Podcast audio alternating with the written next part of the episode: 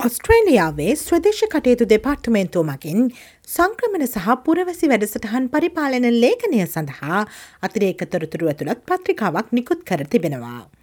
වෙනස් වන ජාත්‍යන්තර පරිසරයක් තුළ ඔස්ට්‍රලියාවේ සංක්‍රමණ වැඩසටහනේ සංයුතිය සහ කළමනාකරණය පිළිබඳව පැහැදිලි කිරීමක් මෙම අතිරේක තොරතුරු පත්‍රිකාව මකින් සපයනු ලබනවා.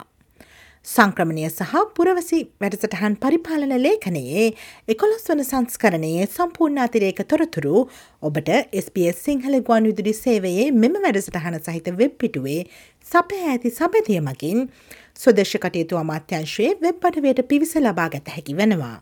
මෙම වැඩසටහන මගින් එහි ඇතුළත් තොරතුරු පිළිබඳව දළ විශ්ලේෂණයක් ගෙනීමට අප බලාපොරොත්තු වනවා. පළමුුව ආගමන වැඩසටහන පිළිබඳව ඇති නවතම තොරතුරු වෙත අපි අවධානය යොමු කරමු. දෙදහස් විසිතුන වසරේ අගෝස්තු මාසයේදී ඔස්ට්‍රලයානු රජය මිසින් පැන්ඩමික් ඉවෙන්ට් වීසා බලපත්‍රය ලබාදීම නවත්වන බව නිවේදනය කරනු ලැබවා. ඒ අනුව මෙම වීසා බලපත්‍රය දෙදහස් විසි හතරේ පෙබරවාරි මස සිට නවතා දමනු ලබනවා. දෙදහස් විසිතුන වසරේ මැයි මාසයේදී ඔස්ට්‍රලයානු රජය විසින් ඒජ්ට් කයා ඉන්ඩස්ට්‍රී ලේප ගිවිසුම ස්ථාපිත කිරීම පිළිබඳව නිවේදනය කරනු ලැබවා. පසුගිය අගෝසු තිස්සෙක් වැනිදා වන විට මේ සම්බන්ධ ගිවිසුම් අටක් ක්‍රියාත්මක වන අතර වසර පහක් පුරා ඩිරෙක්් කයාවර්කස් හෙවත් රිජු සාතු සේවකයින් හයදහසකට වැඩි ප්‍රමාණයක් මෙරටට ගෙන්වීමට ඉන් අවස්ථාව හිමි වෙනවා. මෙම කිවිසුම යටතේ පළමු වීසා ඉල්ලුම් පත්‍ර තොගය ස්වදේශ කටයුතු දෙපාර්තමේන්තුව විසින් මේ වන විට භාරගෙන ඔවුන්ගේ වීසා සකස් කරමින් පවතිනවා. ආගමන ප්‍රතිපත්ති සම්බන්ධ නවතම තොරතුරු පිළිබඳව දැන් අපි අවධානය යොමු කරමු. දෙදහස් විසිතුන ජනවාරි මාසයේදී ස්වදේශ කටයුතු අමාත්‍යවරයා විසින් ඔස්ට්‍රලියාවේ විසා පද්ධතියේ සූරා කෑම් පිළිබඳව කඩිනම් සමාලෝචනයක් කිරීමට ක්‍රිස්ටීන් නික්සන් මහත්මිය පත් කරමනු ලැබවා. එය නික්සන් සමාලෝචනය නමින් හඳුන්වනු ලබනවා. වර්ගීකරණය කරන ලද නික්සන් සමාලෝචන වාර්තාව මෙන්ම එහි නිර්දේශ තිස් හතරක් සඳහා රජයේ ප්‍රතිචාරයද දෙදහස් විසිතුන වසරේ ඔක්තෝම්බර් හතර වන දින නිකුත් කර තිබෙනවා. මෙම නික්සන් සමාලෝචනය මකින් සංක්‍රමණ පද්ධතියේ හිද සහ දුර්වලතා ඇති ප්‍රදේශ හඳුනාගෙන ඇති අතර සංක්‍රමණ පද්ධතියේ සිදුවිය යුතු ප්‍රතිසංස්කරන සහ ගතයුතු විචාරශීලී පියවර යන්නන දෙකම නිර්දේශ කර තිබෙනවා.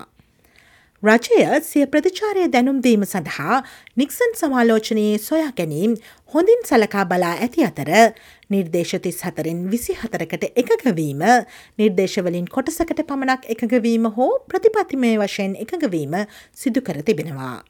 එමෙන්ම රජය විසින් මෙම නිර්දේශ අටක් සටහන් කරගෙන ඇති අතර නිර්දේශ දෙකක් සමඟ පමණක් එකගවී නැහැ.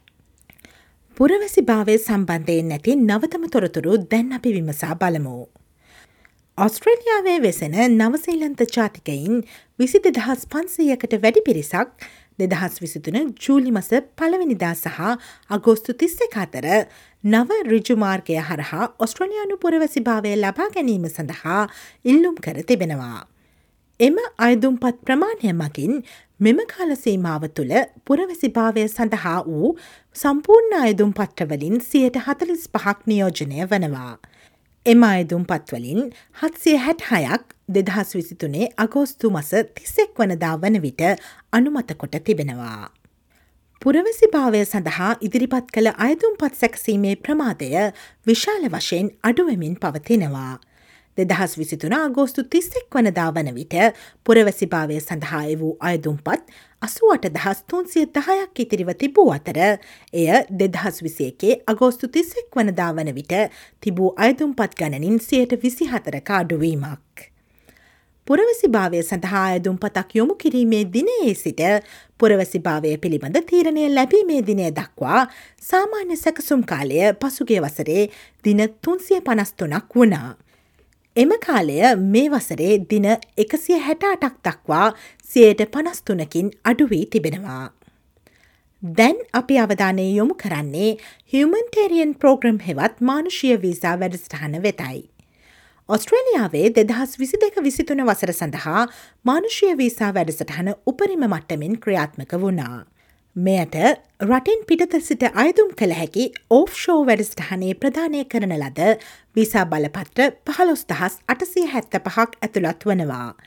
එයට ඇෆ්ගන් ජාතිකයින්ට වෙන් කර ඇති අමතරස්ථාන හාරදහස් එකසේ විසි පහක්ද ඇතුළත්. එමෙන්ම මීට ඔන්ෂෝ එනම් රටතුළ සිට අයදුම් කළ හැකි ආරක්ෂක වීසා වැඩසටහනේ කොටසක් ලෙස ලබාදී ඇති වීසා බලපත්‍ර දෙදහසක්ද ඇතුළත් වනා. අගෝස්තු තිස්සෙක් වන දින ඔස්ට්‍රලයානු රජය දෙදහස් විසිතුන විසිහතර වසර සඳහා මානුෂය වැඩස්ටහන වෙනුවෙන් ලබා දෙන වීසා බලපත්‍ර ප්‍රමාණය දාහත් දහස් අරසය හැත්ත පහේ සිට විසිදහස දක්වා වැඩි කරන බව නිවේදනය කර තිබෙනවා. අවසාන වශයෙන් සංක්‍රමණ සහ පුරවැසි වැඩසටහන් පරිපාලන ලේඛනය සඳහා අතිරේක තොරතුරු පත්‍රිකාවේ සංක්‍රමණික වැඩිහිටියන් සඳහා ක්‍රියාත්මක වන ඉංග්‍රීසි වැඩසටහන පිළිබඳ නවතම තොරතුරු ගැන අවධානය යොමු කරමු. ඇඩල්ට මයිග්‍රන්ට් ඉංගලිෂ් ප්‍රෝග්‍රම් සිය හැත්ත පස්වනි සංවත්සරය දෙදහස් විසිතුන වසරේදී සමරනු ලැබවා. එය ඔස්ට්‍රලියාවේ දීර්ගතම සෙටල්මන්් වැඩසටහන වන අතර එමගින් මිලියන දෙකට අධික සංක්‍රමණිකයින්ට සහ මානුෂ්‍ය වීසා යටතේ මෙරටට පැමිණි පුද්ගලයින්ට නොමිලේ ඉංග්‍රීසි භාෂා පාඩම් ඉගැන්වීමෙන් උපකාරකොට තිබෙනවා. නොමිලේ ඉංග්‍රීසි භාෂාව ඉගෙනීමේ වෙබ් අඩවිය වන AMEP ඔන්ලයින් දෙදහස් විසිතුන ජූලි පළවෙනිදා නැවත දියත් කරනු ලැබවා. ඕනෑම කෙනෙකුට ඕනෑම තැනක සිට ඕනෑම වේලාවක මෙම වෙඩ් බඩවියට ප්‍රවේශවිය හැකි අතර පරිශීලකයින් ලක්ෂයකට අධික පිරිසක් එය භාවිතා කර තිබෙන බව වාර්තා වනවා. ඔස්ට්‍රලියාවේ කාලින්නව වැදගත් නවතම තොරතුරු දැනගැනීමට SBS.com.au/ සිංහල යනාපගේ වෙබ් අඩවියට පිවිසන්න. SBS SBS SBS SBS SBS SBS Radio